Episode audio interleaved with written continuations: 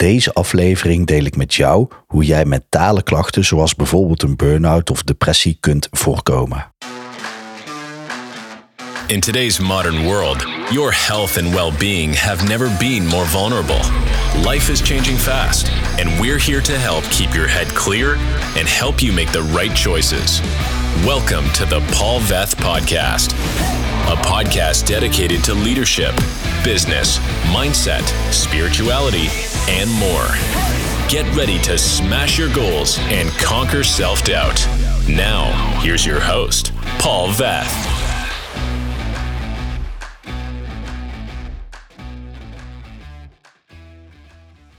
Ondernemers zijn zo ongelooflijk eigenwijs dat ze er vaak eerder voor kiezen om in een burn-out of depressie terecht te komen, dus mentale klachten ervaren, dat ze fysieke klachten gaan ervaren, vaak psychosomatisch, of dat hun business naar de kloten gaat, in plaats van dat ze gewoon voor hulp kiezen en hulp zoeken.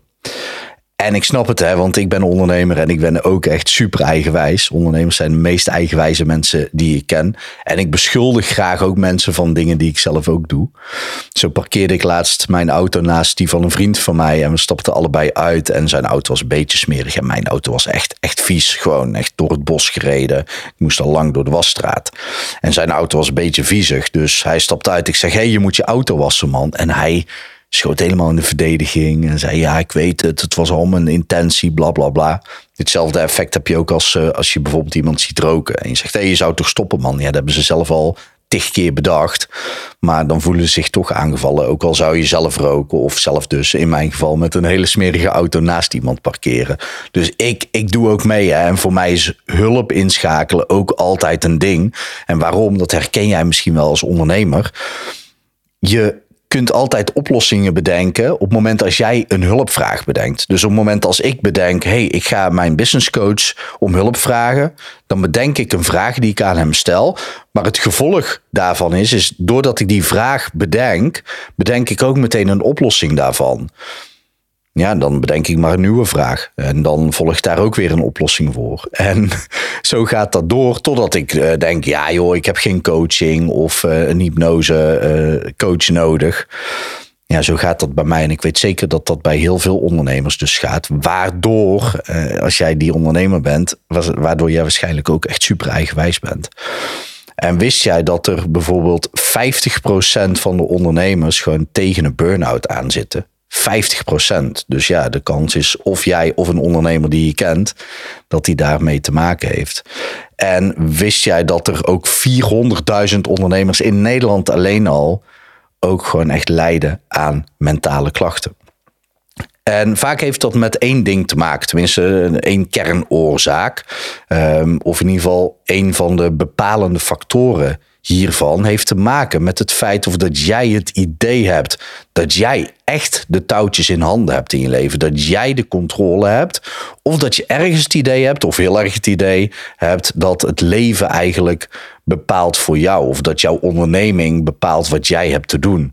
Dus op het moment dat jij elke dag gewoon opstaat en een soort van automatisch patroon weer af gaat draaien, omdat je wordt geleefd, dan is de kans heel groot dat jij bij die 50% van de ondernemers zit die tegen een burn-out aanloopt. Of richting een depressie gaat. Of richting andere mentale klachten gaat. Die dus ook voor fysieke klachten. Denk aan hoofdpijn, uh, fysieke pijntjes, ook, ook tijdens het sporten. En dan kan het zijn dat je bijvoorbeeld sporten de schuld geeft van ja, ik sport excessief. Oké, maar waarom sport jij excessief? Dat heeft allemaal met iets in je mind te maken.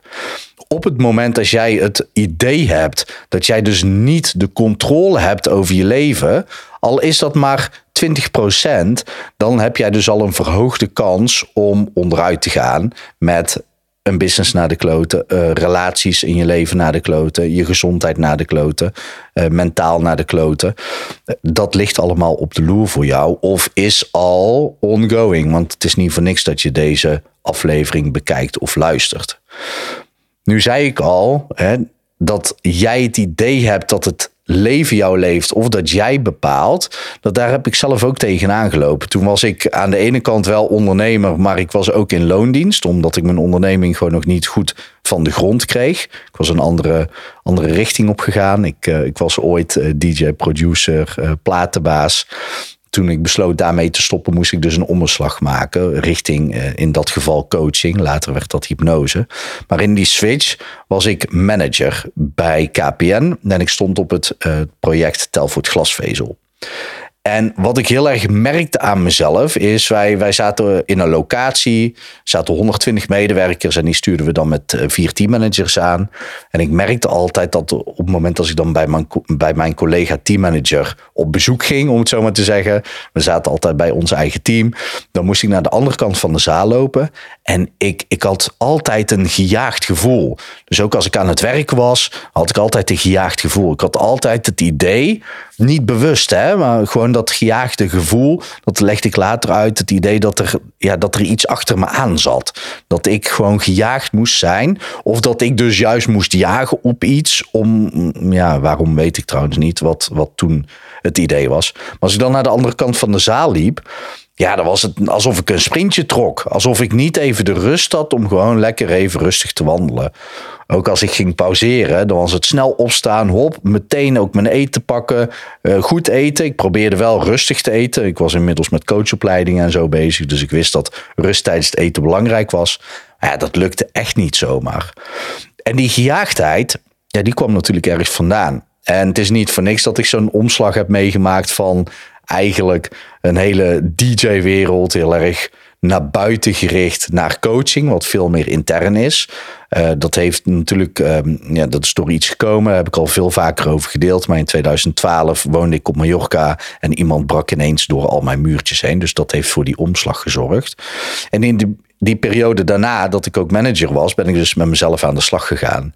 En toen kwam ik bij een therapeut uit.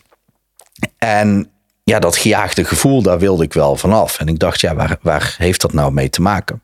Nou, toen hebben we een uh, tijdlijn gemaakt. Um, dat kan handig zijn. Zelf werk ik als, daar als hypnotherapeut en coach niet per se mee. Um, niet in de zin van we gaan het even helemaal uitwerken in twee sessies. Uh, dus ik werk wel met tijdlijnen, maar veel sneller. Maar goed, uh, er werd een tijdlijn gemaakt en er kwam vanuit daar wel iets aan het licht. Namelijk toen ik zeven jaar was. Ik woonde toen alleen bij mijn moeder. En mijn moeder was psychisch labiel en een alcoholist. En het was een dinsdagochtend. En ik was dus zeven jaar en ik dacht, nou, ik ga naar school. Maar um, ik werd wakker en alles was nog donker in huis. Terwijl normaal gesproken was mijn moeder al wakker. Dus dat vond ik gek.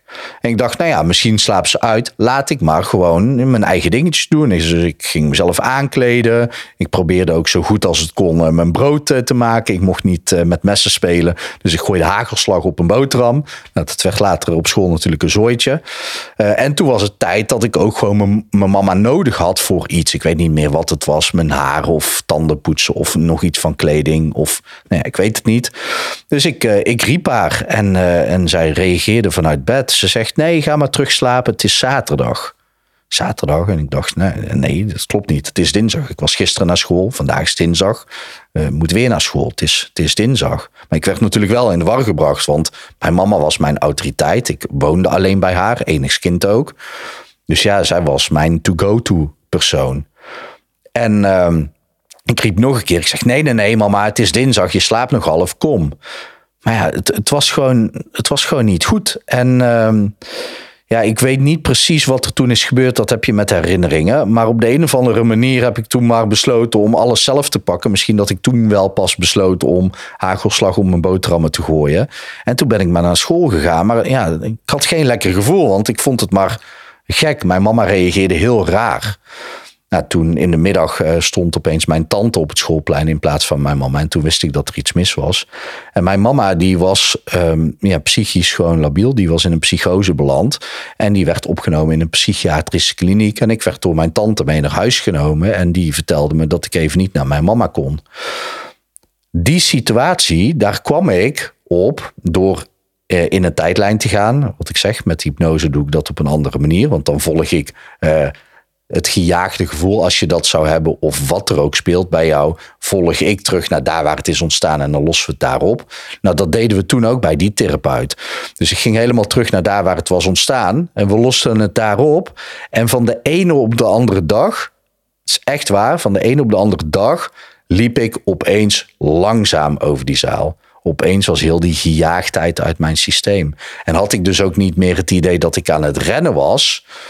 Alsof ik dus in zo'n zo'n rat zit, de rat race. Dat ik gewoon maar bezig was met van alles. Nee, opeens had ik de tijd om stil te staan. En even naar mijn leven te kijken. En na te gaan denken van... hé, hey, hoe zit dit nou in mijn leven? Wat wil ik in mijn leven? Waar sta ik in mijn leven? Welke veranderingen wil ik doorbrengen in mijn leven?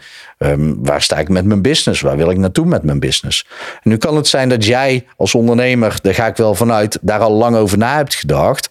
Maar heb je dat ooit gedaan vanuit rust. Vanuit dat jij het idee hebt dat jij echt volledig de controle hebt. Want daar hebben we het over. Ik zeg niet dat jij per se last hebt van gejaagdheid. Maar op het moment als jij ondernemer bent, dan is de kans dus heel groot, 50%, dat jij te maken hebt met burn-out-achtige klachten, dat je richting een depressie kan gaan. Dat is niet voor iedereen weggelegd.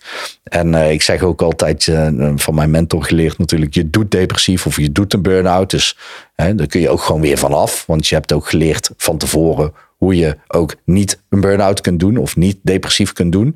Dus uh, hoef je helemaal geen groot ding van te maken. Maar je moet het wel voor blijven. Of als je er al echt bijna in zit, oplossen. En dat doe je dus door de echte touwtjes in handen te pakken voor je leven. Door zelf de beslissingen te gaan maken. Door echt keuzes te maken vanuit jezelf, vanuit je innerlijke jij. Niet zomaar van wat jij hoort wat goed voor je zou kunnen zijn. Nee, echt vanuit diep van binnen. Vanuit oké, wat wil jij nou? Wat zijn jouw waarden? Waar sta jij voor? Hoe wil jij je leven leven? En hoe kan jouw business je daarbij helpen? Niet andersom.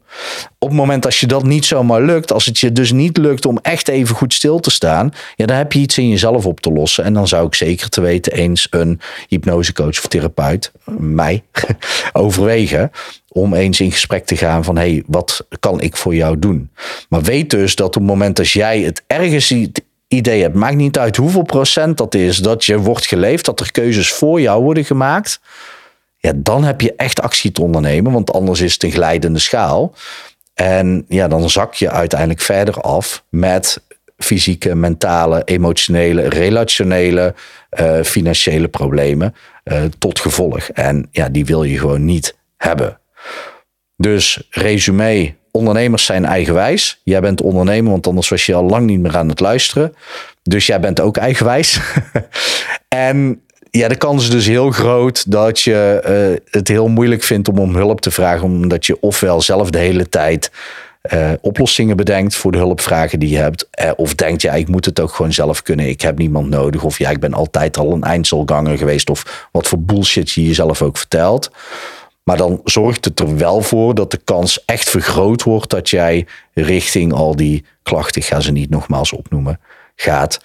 En dat kun je dus ondervangen door echt de, ja, het leven bij de ballen te grijpen en te zeggen: hé, hey, ik ben in controle. En heb je daar moeite mee, dan is hulp inschakelen zeer slim.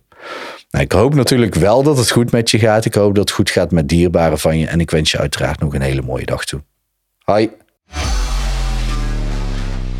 Thanks for tuning in to the Paul Veth podcast.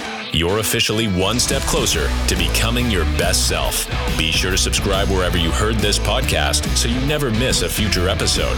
For more information or to connect with Paul, check him out at hypnomaster.nl or on Instagram at hypnomaster.nl. Thanks again for tuning in, and we'll see you next time.